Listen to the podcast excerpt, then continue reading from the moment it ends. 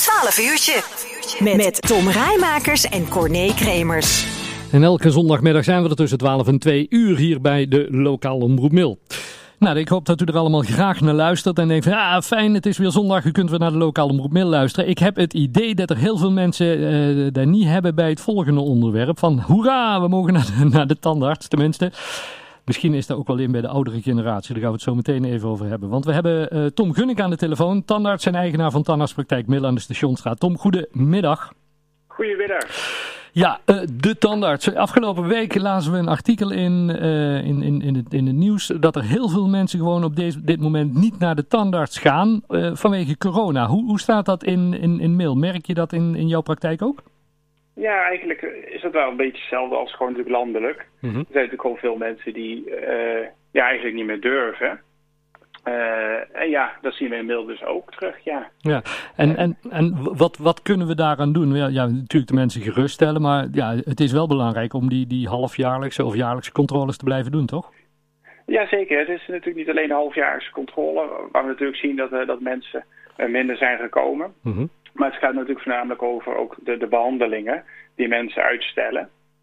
Uh, ook vanwege de corona, maar het is ook natuurlijk een goed excuus hè, uh, ja. om even niet te willen of kunnen gaan. Uh, maar mensen hoeven er absoluut niet zorgen om te maken bij ons over de corona. Want ja, we hebben alles eigenlijk best wel goed op orde. dus mensen kunnen met een gerust hart gewoon komen. Ja.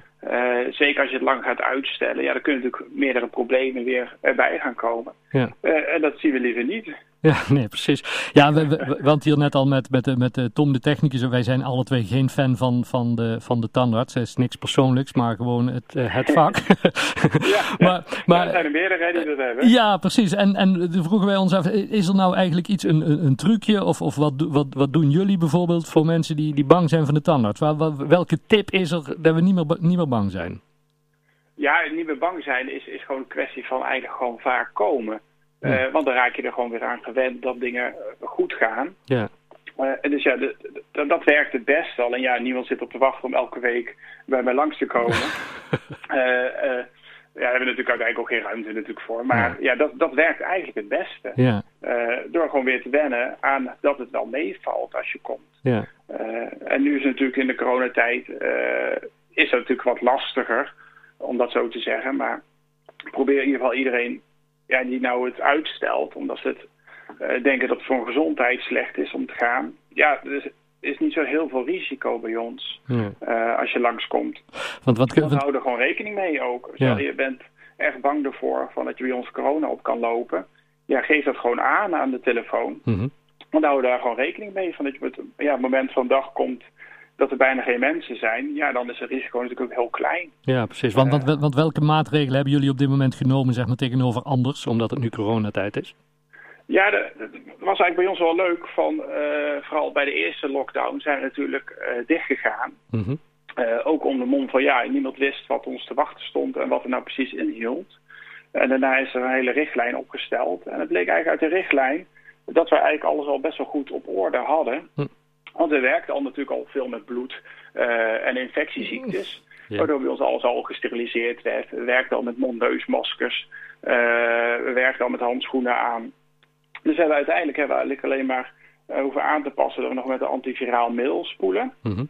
Zodat zeg maar, de patiënt ja, gewoon even het virus niet in de mond heeft. mocht hij het hebben natuurlijk. Mm -hmm. zodat dan ook de overdracht naar personeelsleden verkleint. Hm. En daarnaast hebben we bij behandelingen hebben we nog een spatscherm voor om onszelf nog extra te beschermen. Ja. Maar het viel reuze mee eigenlijk wat we aan hoefden te passen. Ja. Um, dan, dan, een persoonlijke vraag, maar laten we eens even teruggaan in de tijd. Hoe, hoe, hoe ben je ooit op het idee gekomen om tandarts te worden? Want de, brandweerman, politie, kan me van alles, maar ik, ik kan, ben, is dat echt iets dat u van jongs af aan denkt van ik wil tandarts worden? Nee, dat hebben we niet van jongs af aan gehad, nee. nee. maar je zit, je zit altijd met, uh, op een gegeven moment punt van, ja, wat wil je later worden? Mm -hmm. En dat heeft natuurlijk iedereen op de middelbare school.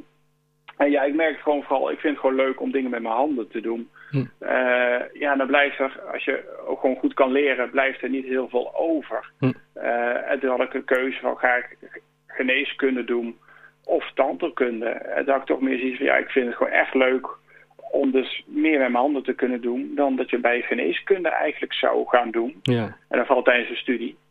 En zodoende kwam je bij tandheelkunde uit. Dus het is echt niet iets dat ik iets wist van nou vroeger al vanaf uh, jongs af aan, hey, ik wil tandarts worden. Nee, dat is echt bij mij pas echt veel later gekomen. Ja, ja. En, en sinds een tijdje in, in Mil, eigen, tandarts en eigenaar van de tandartspraktijk. Hoe bent u destijds in Mil terechtgekomen? Ja, ja, ik werkte zelf al uh, tien jaar in Kuik. Mm En uh, mijn vrouw, die is huisarts dus in uh, Mil. Mm Die kon de praktijk overnemen van, van Leo Velers. het raakte met hem ook in gesprek toen, toen zij daarmee bezig was. en zei hij van ja, maar ik weet gewoon dat de andere tandarts hier, Hans Welink, uh, dat hij eigenlijk op zoek is naar ook iemand die de praktijk over gaat nemen. En uh, dat ik zoiets van, oh kijk, dat wist ik nog helemaal niet. Hm.